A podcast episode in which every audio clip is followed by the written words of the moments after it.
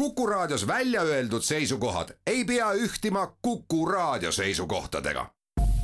Te kuulate Kuku Raadiot.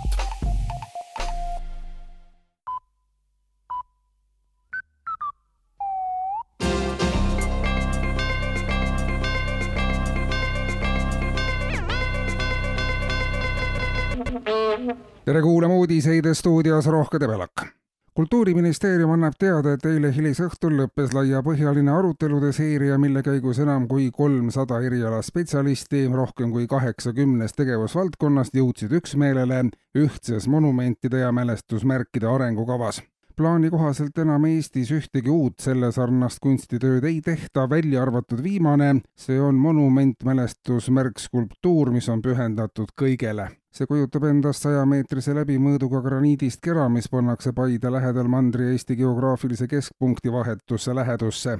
Kera valiti sellepärast, et siis ei ole kellelgi millestki kinni hakata ja igipõline rahulolematus ükskõik millise mälestusmärgi, skulptuuri või monumendi üle lakkab kera saavad üheks päevaks aastas mälestamiseks, meenutamiseks, tähistamiseks või äramärkimiseks rentida kõik huvigrupid, kellel eelpool nimetatud tegevuskavas on.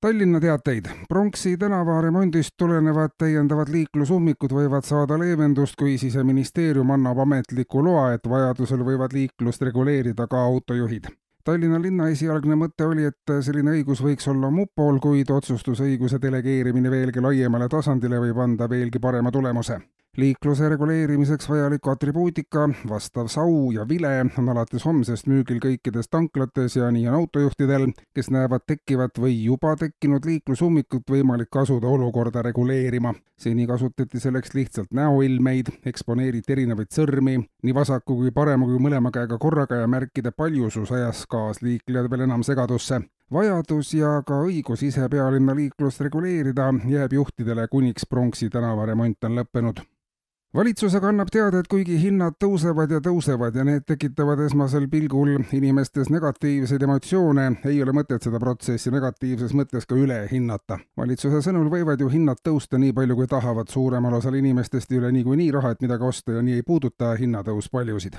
valitsuse avalduses märgitakse, et ei ole ju vahet, kas inimene ei jõua osta nelja või neljakümne eurose kilohinnaga vorsti ostmata, jääb see nii või teisiti ja hinnaralli jätab ka inimesed puutumata ja elatustase sellest ei lange. hindadel on Eestis veel kasvuruumi küll ja küll ja ka palkadel on jätkuvalt seetõttu langemiseks varu olemas ja reklaami. homseks saab valmis riiklik meeleavalduse ja streigikalender kaks tuhat kakskümmend kolm, annab valitsuse pressibüroo teada ja lisab, et osta saab seda juba homme hommikul alates kõikidest suurematest kaubanduskeskustest. meeleavalduse ja streigikalendri saab tellida ka koju või töökoha aadressile. kalendris on ära märgitud, kuna streigivad päästjad, kuna õpetajad, kuna medõed, millal politseinikud või kaitseväelased. samuti on streigikalendris kirjas meeleavaldused ja protestid. kalender aitab inimestel inimestel ennast kursis hoida vajalike sündmustega ja tagab, et miski oluline selles vallas ei jääks kahe silma vahele. kalendris on järgmisel aastal streigi ja meeleavalduse vabu päevi kokku seitseteist.